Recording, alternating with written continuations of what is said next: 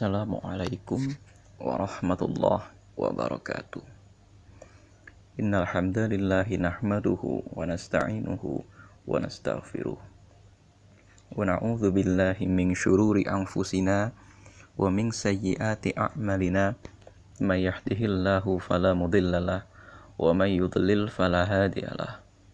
Asyhadu an la ilaha illallah وأشهد أن محمدا عبده ورسوله لا نبي بعده. اللهم صل على محمد وعلى آل محمد كما صليت على إبراهيم وعلى آل إبراهيم. إنك حميد مجيد. ربي اشرح لي صدري ويسر لي أمري واحلل عقدة من لساني يفقه قولي. الحمد لله rekan-rekan sekalian, pada kesempatan kali ini saya masih di podcast Ngaji Budaya. Akan sedikit membahas sesuatu yang belakangan ini mungkin viral atau mungkin menjadi perbincangan kita semua. Yang sebetulnya memang lebih baik kita tidak terlalu membahas ini terlalu jauh atau kita tidak terlalu repot dengan urusan ini karena umat Islam pada dasarnya memiliki agenda yang lebih besar. Hal yang viral belakangan ini adalah yang pertama, gaya hidup atau pola pikir. Gaya hidup ini kan tentu saja muncul dari pola pikir seseorang. Gaya hidup yang muncul dari pola pikir yang tidak mengerti agama, sehingga kemudian belakangan ini terjadi anak-anak muda yang melepas jilbabnya dengan bangga dengan beberapa alasan. Di antara alasan-alasan itu yang saya simpulkan dari beberapa pemberitaan di media sosial maupun di media yang sahih gitu ya, maupun dari media yang punya redaksi. Yang pertama, alasannya adalah be yourself, menjadi diri sendiri. Yang kedua, alasannya adalah karena mereka merasa selama ini menggunakan jilbab itu ditekan. Menggunakan jilbab itu dipaksa. Dan selama ini juga mereka merasa ketika menggunakan jilbab, mereka tidak menemukan kebahagiaan. Mereka tidak menemukan sesuatu yang menjawab uh, ketidakadilan. Mereka tidak menemukan sesuatu yang menjawab keresahan jiwa mereka selama ini. Saya ditanya, Lantas bagaimana cara menghadapi orang-orang semacam ini? Lagi-lagi saya mengimbau kepada segenap juru dakwah atau kepada segenap rekan-rekan sekalian yang kawan-kawan yang mengalami hal ini, tolong sikapi dengan bijak. Jangan diberikan penghakiman, jangan diberikan dalil-dalil terlebih dahulu. Karena apa? Seseorang yang jiwanya sedang goncang, seseorang yang jiwanya sedang mengalami kekalutan pikiran, Seseorang yang jiwanya sedang mengalami ketakutan, kekhawatiran, tekanan, mencari kebebasan. Mereka sebetulnya mencari sebuah jawaban, bukan mencari penghakiman. Ini analoginya sama seperti rakyat yang merindukan keadilan, akan tetapi oleh pemerintah malah dijawab dengan pelarangan atau malah dijawab dengan hukuman penjara dijudge mereka itu sebagai penjahat, sebagai pemberontak dan lain sebagainya. Yang meskipun secara hukum itu benar, akan tetapi menyisakan tanda tanya besar dalam hati kita semua karena hukum ini ternyata tidak menjawab permasalahan utama, tapi hanya menjawab gejala yang muncul dari sebuah masalah utama. Sama seperti kalau orang uh, sakit demam itu cuma gejala pusing itu cuma gejala. Sama seperti orang buka jilbab, orang free sex, orang menganut pola hidup yang free, ya bebas, itu cuma gejala. Karena sesungguhnya penyakit sebenarnya terletak dalam hati mereka. Apa itu?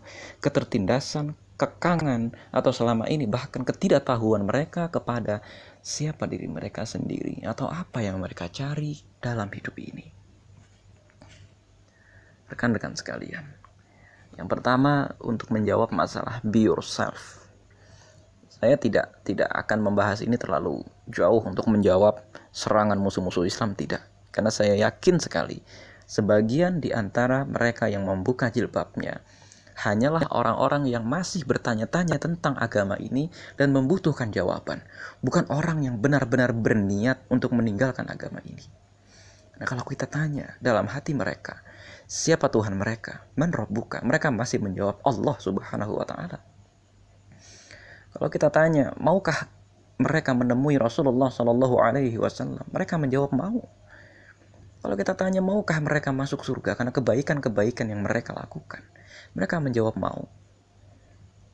Ketika mereka ditimpa ketakutan, ketika mereka ditimpa kesedihan, mereka masih menyebut nama Allah dan tidak terbetik sedikit pun dalam hati mereka untuk menyekutukan Allah dengan sengaja.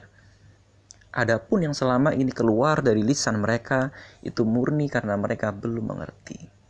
Maka kesabaran kita dalam menjelaskan harus kita tata dengan baik be yourself. Ya, kata-kata ini sekarang ini menjadi syubhat yang besar yang menimpa segolongan umat Islam yang tidak berilmu. Untuk menjawab permasalahan ini rekan-rekan sekalian. Tentu kita sebagai muslim harus mengetahui untuk apa kita hidup sebetulnya.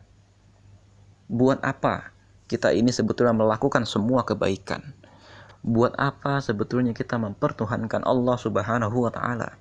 Buat apa kita mengikuti syariat Allah Subhanahu wa taala yang diajarkan oleh Rasulullah Shallallahu alaihi wasallam para generasi salafus soleh yang kemudian diteruskan oleh para ulama yang ada di dekat kita. Apa tujuannya itu semua? Rupanya rekan-rekan sekalian, dalam sebuah kisah dalam surat Al-Baqarah ayat 20, oh, tidak ayat 30 lebih tepatnya. Allah Subhanahu wa taala menceritakan bahwa memang ketika Adam turun dari surga karena tipu daya iblis. Fakulnah bitu ba'dukum li ba'din adu. Sebagian di antara manusia selalu berperang, akan selalu bermusuh-musuhan dengan sebagian yang lain. Karena apa niatnya? Untuk mencari jalan kedamaian. Untuk mencari jalan mana yang lebih dekat kepada kebahagiaan. Sebagaimana ketika Adam ditipu oleh iblis. Pohon ini katanya pohon khuldi katanya. Ya, bisa mengakibatkan keabadian. Karena pohon yang ada di surga itu sesungguhnya tidak ada namanya. Yang menamai adalah iblis. Khuldi itu artinya pohon keabadian. Khuld itu artinya keabadian.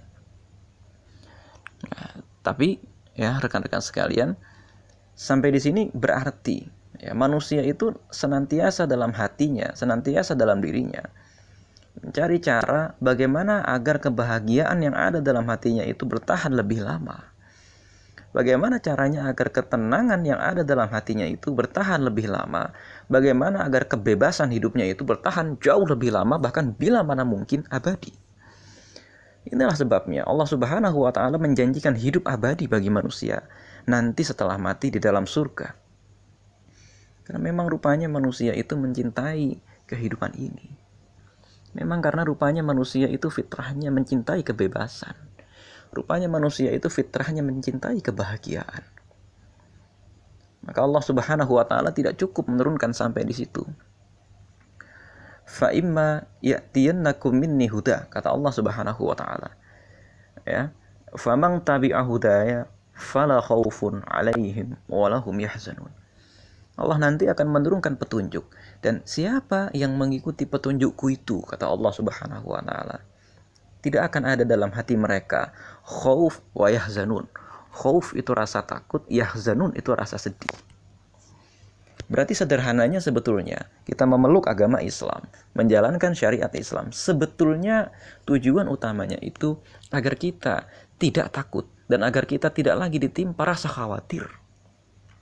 Bukankah rekan-rekan sekalian, alasan inilah yang digunakan oleh rekan-rekan kita itu untuk melepas jilbab.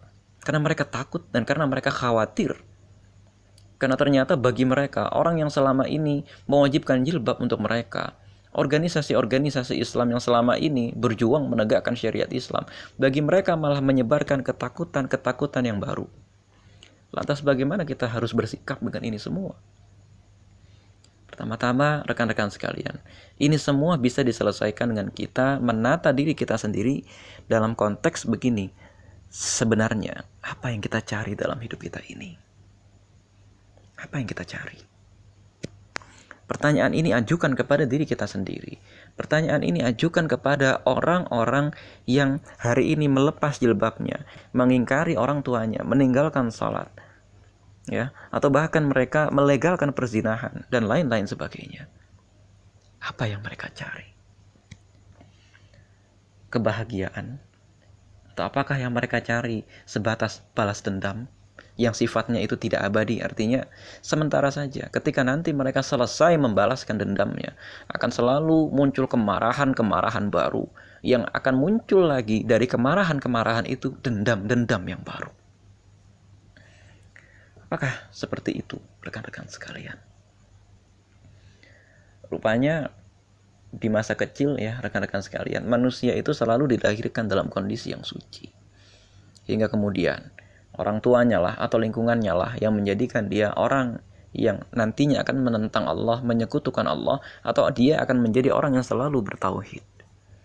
Dalam artian begini, Allah Subhanahu wa taala memang salah satunya ya, memang salah satunya menetapkan bahwa tujuan kita beragama itu agar kita kehilangan rasa takut kita, agar kita kehilangan rasa sedih kita.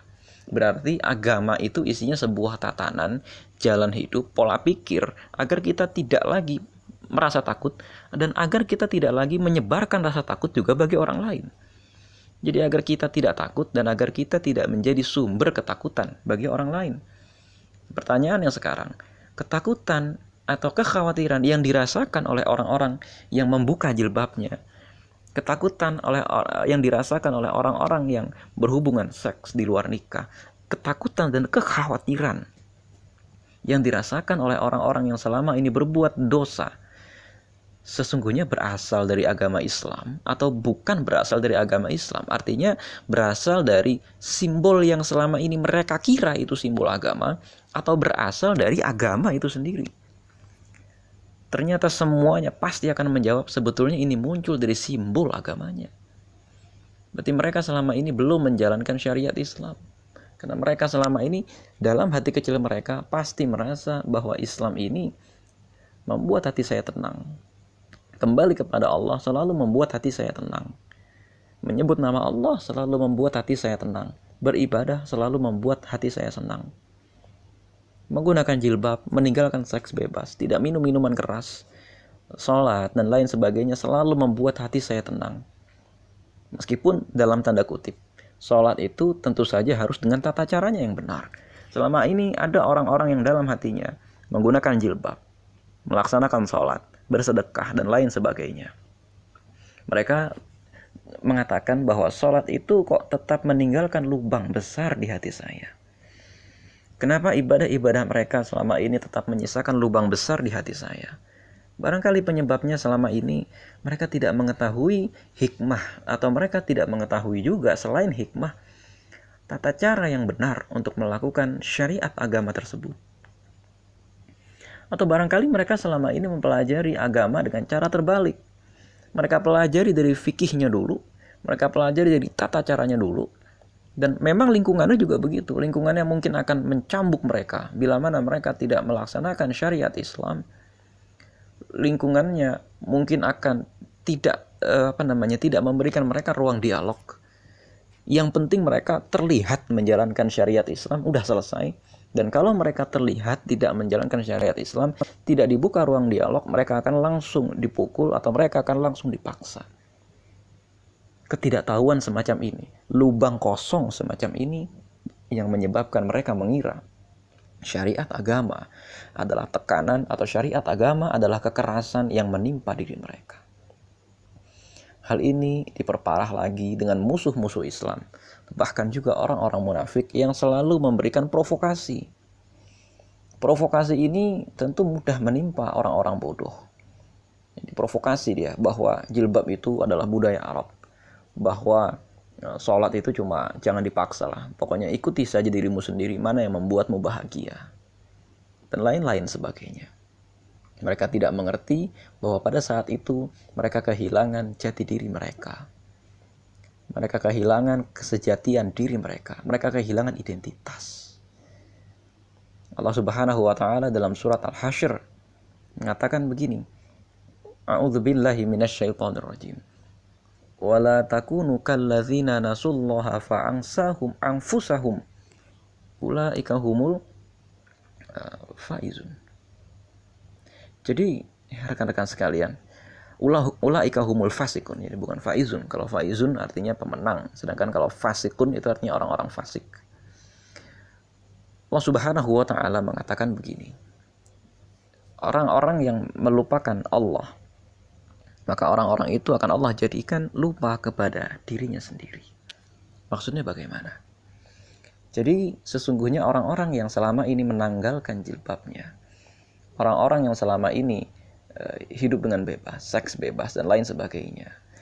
Mereka mengira dengan meninggalkan syariat Allah yang semacam itu untuk mencapai kesenangan, untuk mencapai kebahagiaan atau untuk mencapai hal yang mereka kira sebagai kebebasan. Sesungguhnya dalam hati mereka Allah Subhanahu wa taala justru telah menanam kekosongan yang jauh lebih besar daripada sebelumnya. Sesungguhnya Allah Subhanahu wa taala telah menanam lubang, telah menciptakan suatu kehampaan yang jauh lebih mengerikan daripada sebelumnya. Karena apa? Ruang kosong berupa kehilangan Tuhan atau ruang kosong berupa kehilangan konsep Tuhan dalam hati mereka adalah ruang yang tidak bisa diisi oleh siapa pun. Ini adalah prinsip yang paling dasar sekali. Ruang kosong berupa kehilangan Tuhan dalam hati seseorang tidak bisa diisi dengan apa pun kecuali dia memulai dari awal lagi mencari siapa itu Tuhan. Mengapa dia meninggalkan Tuhan? Rekan-rekan sekalian, mungkin penjelasan saya ini agak mutar-mutar ya. Akan tetapi ya rekan-rekan sekalian, be yourself ya di balik konsep be yourself ini sesungguhnya tersimpan satu dendam masa kecil yang belum bisa terhapuskan kepada orang tua kita. Dendam masa kecil yang belum bisa terhapuskan kepada guru-guru agama kita. Dendam masa kecil yang belum bisa terhapuskan kepada orang-orang yang selama ini mencibir kita dan lain-lain sebagainya. Bukan dendam kepada Allah. Bukan. Dan jadi rekan-rekan sekalian, jangan pernah memberikan atau jangan pernah menjadikan Allah dan agama Islam ini sebagai sasaran pelampiasan dendam kita dari masa kecil itu. Jalankanlah syariat agama kita ini dengan baik dan carilah siapakah Allah itu. Apakah agama ini? Dan kalau kita ada di posisi dai, kalau kita ada di posisi orang yang melihat terjadi hal seperti ini kepada saudara-saudara kita, doakan dia. Ya, doakan dia Selain doakan dia, ya rekan-rekan sekalian, barangkali memang kita harus memperhalus bahasa kita, memperlunak bahasa kita. Kita jelaskan dia sesederhana mungkin. Bagaimana sebetulnya konsep Allah Subhanahu wa taala memberikan syariat Islam. Apa gunanya syariat Islam? Hari ini banyak sekali noise atau suara-suara berisik yang malah menghilangkan syariat Islam atau menghilangkan kesejatian syariat Islam itu sendiri politik Islam yang bukan bahasan umum. Atau bahasan khilafiyah persoalan khilafah persoalan kunut subuh atau misalnya lagi persoalan perbedaan-perbedaan fikih yang bukan ranahnya orang-orang awam. Tapi ternyata ini malah masuk kayak perdebatan ini kepada orang-orang awam. Akhirnya orang awam mengira itulah syariat Islam Orang awam mengira syariat Islam itu memang ngurusi hal-hal yang tidak penting, akan tetapi ternyata nggak ngurusin kebahagiaan umatnya, nggak ngurusin kekosongan besar yang ada di hati generasi muda kita. Benarkah agama yang saya anut ini? Apakah agama yang saya anut ini memberikan kebenaran? Apakah agama yang saya anut ini memberikan jalan keluar bagi kebingungan saya di masa kecil? Itulah tantangan kita. Allah Allah misawab rekan-rekan sekalian kita doakan rekan-rekan kita yang melepas jilbabnya yang meninggalkan sholat yang minum minuman keras yang berzina. Allah tunjukkan kebenaran pada mereka. Allah berikan kesabaran dalam hati mereka dan Allah gantikan dosa-dosa mereka dengan perbuatan-perbuatan yang baik yang lebih dari sebelumnya. Assalamualaikum warahmatullahi wabarakatuh